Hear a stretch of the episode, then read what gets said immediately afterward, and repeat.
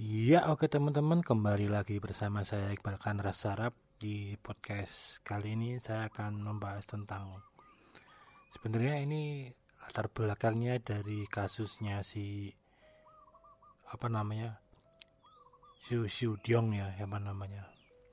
Si Su Su Diong ini apa namanya dia seorang atlet MMA yang uh, mendapat pembatasan dari kredit sosial ya karena dia melawan banyak master-master kungfu ya si Su Xiaodong ini. Puncaknya sih dia mendapatkan yus kalau secara bahasa umumnya seperti uh, hukuman sosial lah tapi di bidang tentang kredit gitulah kita harus tahu dulu ya tentang sistem kredit sosial ini ya. Sosial kredit lah kalau bahasa Inggrisnya ini. Ini saya juga sebenarnya hal ini juga baru ngulik-ngulik setelah setelah tahu kasusnya si Susu Jong ini. Ngeri ya maksudnya seseorang itu bisa di Cina itu bisa benar-benar dimiskinkan dan dibuat dibuat seperti mati secara berlahan ya yang memang benar-benar nggak kuat ya karena sosial kredit ini kan mencakup segala hal ya. Jadi ketika kamu itu masuk dalam daftar hitam negara itu kamu bisa teman-teman bisa di blacklist nggak bisa naik MRT nggak bisa nyewa apartemen nggak bisa beli properti. Susah buat belanja dan lain-lain karena kan semua sistem tentang perkreditan pokoknya babakan duit gitu itu kan satu pintu ya di sana ya. Nah ini untuk untuk lebih detailnya ini saya akan sedikit ya ngasih gambaran lah buat teman-teman tentang sosial kredit ini tak bacain dari Wikipedia ya. Jadi sosial kredit ini adalah nasional sistem reputasi yang dikembangkan oleh Partai Komunis Cina ya. Program ini memprakasai uji coba regional pada tahun 2019 sebelumnya meluncurkan uji coba nasional dengan 8 perusahaan hasil kredit pada tahun 2014. Jadi ini sisi lain itu kayak kalau di sini mungkin seperti OJK gitulah tapi OJK-nya itu sampai ke level masyarakatnya verifikasinya itu. Jadi teman-teman itu kalau ngelakuin kesalahan atau apa-apa itu mendapatkan skor kayak punishment gitu. Bisa mendapatkan skor skor yang bagus atau skor yang jelek gitu loh dan itu nanti setiap tindakan itu ada hubungannya dengan oh, hukumannya itu nanti beragam-ragam ya. Misal kayak teman-teman jadi nggak bisa naik kereta selama setahun gitu. Atau mungkin teman-teman nggak bisa beli properti selama setahun atau apa. Jadi kebijakannya itu nanti berbeda-beda ya. Jadi nggak nggak langsung hukuman yang misal teman-teman ini kamu di penjara atau apa-apa tapi hukumannya itu dengan hal-hal yang kayak gitu loh. Nah, sebenarnya kalau latar belakangnya sih kalau saya baca-baca kemarin dari berbagai banyak sumber itu agar tercipta kepercayaan gitu loh ibaratnya. Jadi masyarakatnya juga gampang diatur dan lebih bisa dipercaya itu terutama untuk hal yang berhubungan dengan uang gitu loh. Misal tentang pinjaman tentang apa tentang apa. Jadi kan semua itu dikontrol gitu loh. Jadi oh ini orang ini nggak pernah buang sampah berarti kemungkinan besok nggak boleh naik kereta atau apa. Jadi punishmentnya itu hukumannya itu yang tentang hal-hal berbau fasilitas umum yang nanti bisa dia nikmati gitu loh. Jadi hukumannya itu dibatasi teman-teman. Lumayan serem juga ya. Beli kalau saya itu berarti nih kalau kayak kasus Susudyong ini dia nggak punya PayPal atau nggak punya Bitcoin mungkin bisa benar-benar benar-benar mati secara berlahan ya mungkin ya. Untung kan dia punya PayPal punya Bitcoin terus dia juga udah punya uh, channel YouTube itu buat monetasi duitnya dari situ semua. Jadi hampir tidak tidak ada penghasilan yang lain ibaratnya karena usaha dia gymnya yang MMA itu juga ditutup ya oleh pemerintah ya. Lumayan serem teman-teman. Dan ini beberapa contoh kebijakan yang berkaitan dengan sosial kredit ini lumayan aneh tapi gimana teman ini lima, mulai 15 Mei ini piraku tidak pantas dalam transit cepat Beijing termasuk bermain musik terlalu keras atau makan di tempat umum akan mendapatkan negatif kredit. Loh ini dong ini cuman cuman nyetel musik terlalu keras dan makan di tempat umum yang anu teman-teman bisa mendapatkan nilai negatif sama negara pada Januari 2019, pemerintah Beijing secara resmi mengumumkan bahwa mereka yang memulai menguji skor kredit pribadi. Jadi per Januari kemarin udah yang skornya itu udah udah per kredit ya. Ini ada yang aneh lagi teman-teman. Jadi kalau kalau ada lansia yang tidak dikunjungi oleh orang oleh anaknya dan lain-lain dalam waktu beberapa waktu tertentu. Nah, anaknya itu bisa mendapatkan nilai negatif ya. Jadi nantinya juga akan akan susah dalam hal apa pun ya. Ini beberapa pelanggaran seperti melanggar lalu lintas juga nantinya kalau teman-teman sering melakukan nilainya juga akan akan minus ya. Tapi ini cuma berlaku di Cina ya. Jadi kayak di Hong Kong sama di Makau uh, sosial kredit ini enggak enggak berlaku ya teman-teman ya nih mulai 1 Agustus 2019 penduduk yang menyontek dalam ujian nasional provinsi atau kota akan menerima catatan negatif dalam profil kredit mereka bayangin teman-teman ini bisa dapat nilai negatif nih teman-teman di negara kalau teman-teman nyontek ini. Nih satu Agustus lagi penduduk yang secara curang menggunakan kartu identitas transportasi publik untuk orang lain atau menggunakan kartu kredit orang lain dapat menerima catatan negatif dalam profil kredit mereka. Loh, yang pun ini teman-teman. Pakai kartu MRT ibaratnya tapi pakai pakai kartunya orang itu bisa bisa bener-bener kena nilai negatif teman-teman. Serem ya teman ya. Ini ada lagi teman untuk penduduk di bawah usia 14 tahun yang melanggar peraturan lalu lintas wali hukum mereka perlu mengikuti kursus pendidikan atau menyelesaikan layanan sosial jika tidak pelanggaran itu, maka akan dicatat dalam profil kredit. Loh ini teman ini anaknya ngelanggar aja orang tuanya bisa kena profil kredit teman-teman. Uh. Ini mulai 2018 di beberapa tempat informasi pribadi yang melanggar lalu lintas ditampilkan secara publik di layar untuk ditempatkan di persimpangan lalu lintas. Tuh itu kalau teman-teman melanggar lalu lintas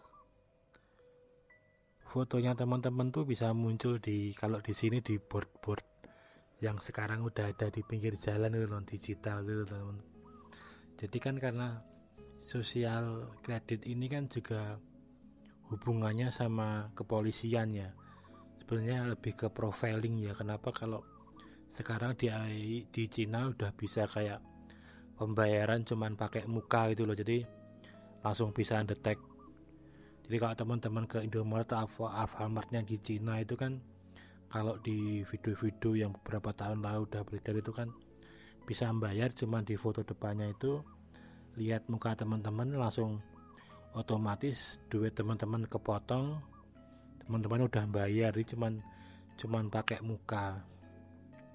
Terus kalau teman-teman karena ada jutaan CCTV di di mana-mana tiap teman-teman jalan itu bisa ketahuan ini yang jalan ini siapa. Padahal itu kan jarak mungkin kamera dari orangnya itu kan juga terlalu jauh tapi karena udah secanggih itu teknologi yang berhubungan dengan profiling di sana jadi ya sangat-sangat memungkinkan ya. Ini juga sebenarnya kasus ini kan juga kalau tentang yang dialami oleh Susio Diong ini kan hampir sama sama yang dialami sama akan syukur ya. Bagaimana dia juga secara tidak langsung dimiskinkan ya. Semua asetnya nggak bisa diambil rekeningnya dikosongkan dan lain-lain. Jadi emang emang ya seperti itu. Karena dianggap sebagai apa namanya pembangkang negara itu loh seperti itu.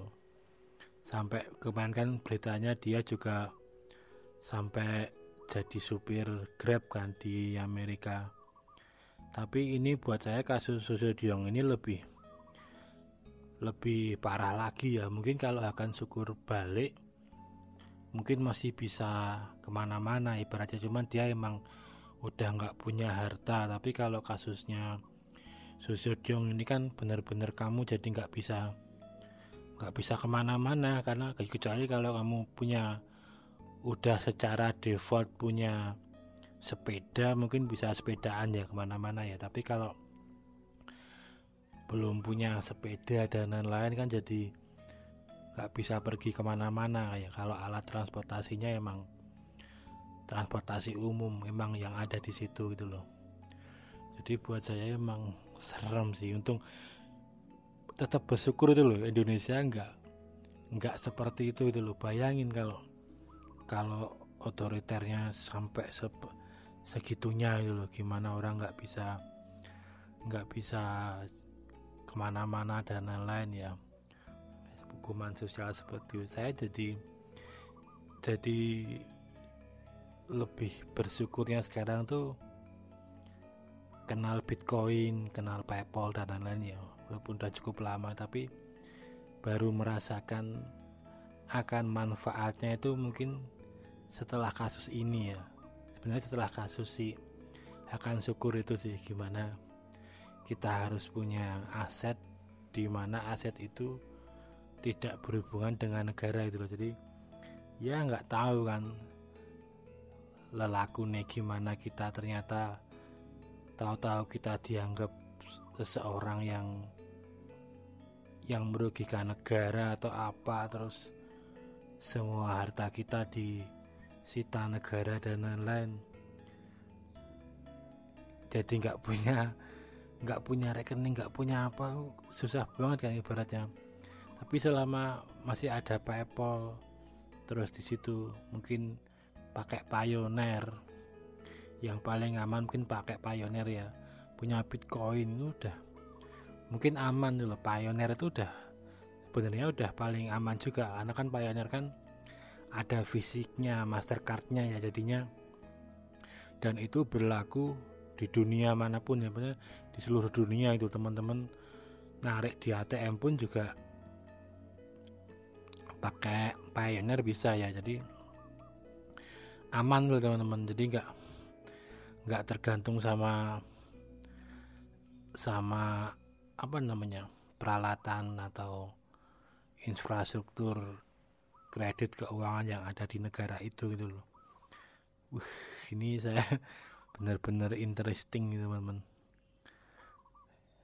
Ya, kalau teman-teman mau punya wallet Bitcoin atau nyimpen di Bitcoin dan lain-lain linknya tak kasih di deskripsi ya.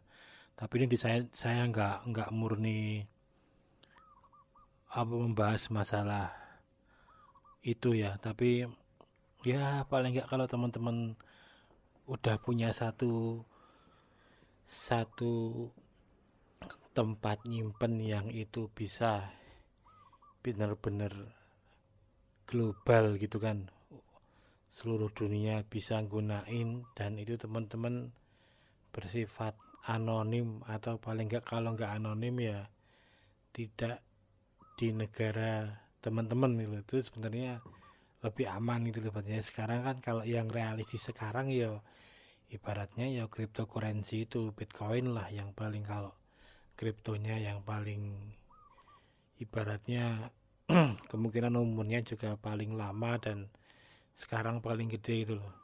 Kalau untuk uang digital dan lain-lainnya ya mungkin Pioneer sama PayPal ini yang mungkin bisa dijaga ke lah buat teman-teman masih bisa hidup kalau ada hal-hal kayak gini gitu loh.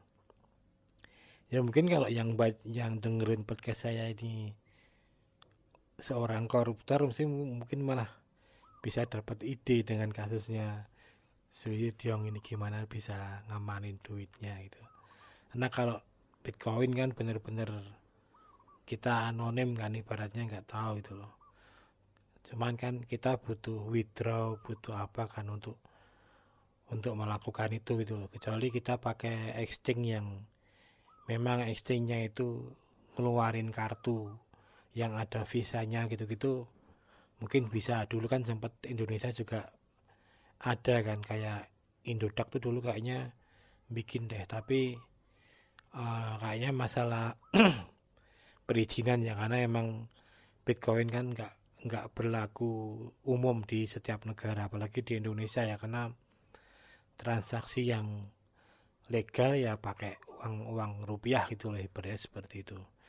Tapi kalau uh, Pioneer terus dia pakai visa gitu kan ya selama masih pakai visa ya di ATM ya bisa lebih seperti itu. Dan sebenarnya mungkin ketika punya itu dan punya uang cash yang banyak sebenarnya juga aman juga ibaratnya. Karena kan uang cash kita trans, transaksi cash gitu kan nggak mungkin apa namanya terdetek oleh sistem. Terutama kalau yang kasusnya Susyong ini kalau misal dia akhirnya membeli motor bodong atau membeli sepeda atau membeli apa gitu pakai uang cash gitu kan sebenarnya kemungkinan masih bisa ya. Tapi kan ketika pada akhirnya semua uang harus dalam bentuknya digital nah itu yang yang nanti akan menjadi masalah dan uang cash jadi jadi nggak guna ya mau nyimpen uang cash dan lain-lain. Padahal ini kan rencananya kan Cina juga mau bikin kayak kripto ya. Jadi uangnya itu juga akan membuat dibikin kayak kripto. Jadi biar lebih istilahnya apa ya liquid atau bisa ya bentuknya bisa digital lah ibaratnya lah. Jadi nggak nggak fisik lagi gitu loh. Keren nih teman-teman ini. Eh saya kalau hubungannya sama gini-gini tuh seneng gitu bahasnya ya buat jaga-jaga juga dan lain-lain ya. Tapi sebenarnya di sisi lain juga uh, nyimpen dalam satu kantong tuh juga sebenarnya riskan juga ya. Tapi selama kita nggak bermasalah atau apa-apa ya sebenarnya ya nggak masalah juga. Tapi